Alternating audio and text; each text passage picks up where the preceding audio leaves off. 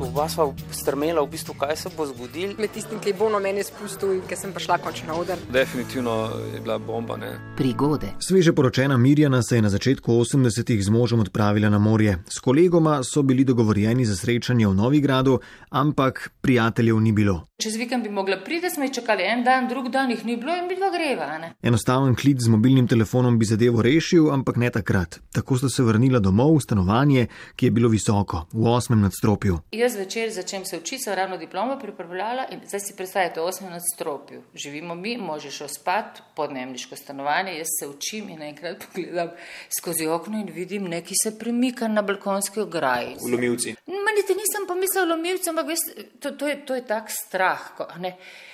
Se, in jaz takoj moža, stane, stane, pogled in on pogleda in vidimo tega partnerja, od te moje bivše cimre. Partner njene kolegice. Srečali naj bi se torej v Novigradu, zdaj so se po plezalni akciji. To je bila ura 12, ali ena po noči, ko noben ne hodi ne vrne noter in domofon je bil pokvarjen. In zdaj si vi predstavljate, on je sreča, da je bil športnik, on je splezal čez osem balkonov, ampak jaz ne vem, kako je on splezal, je ob strani plezal, da so oni drugi ljudje niso ali so imeli rolete, v glavnem.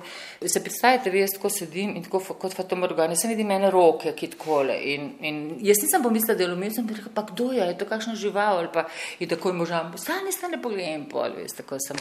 In pa smo šli z dvigalom dol po partner, pa je bilo. In seveda ključno vprašanje, zakaj so se na mesto v Novigradu srečali sredi noči v mirjaninem stanovanju po preplezani prvenstveni smeri. Sta dva Novigrada, eden je pri Zadru in eden je v Istri pri Rovinju. In ker se nismo zmenili, kater Novigrad, una dva sta šla v ta zadarski.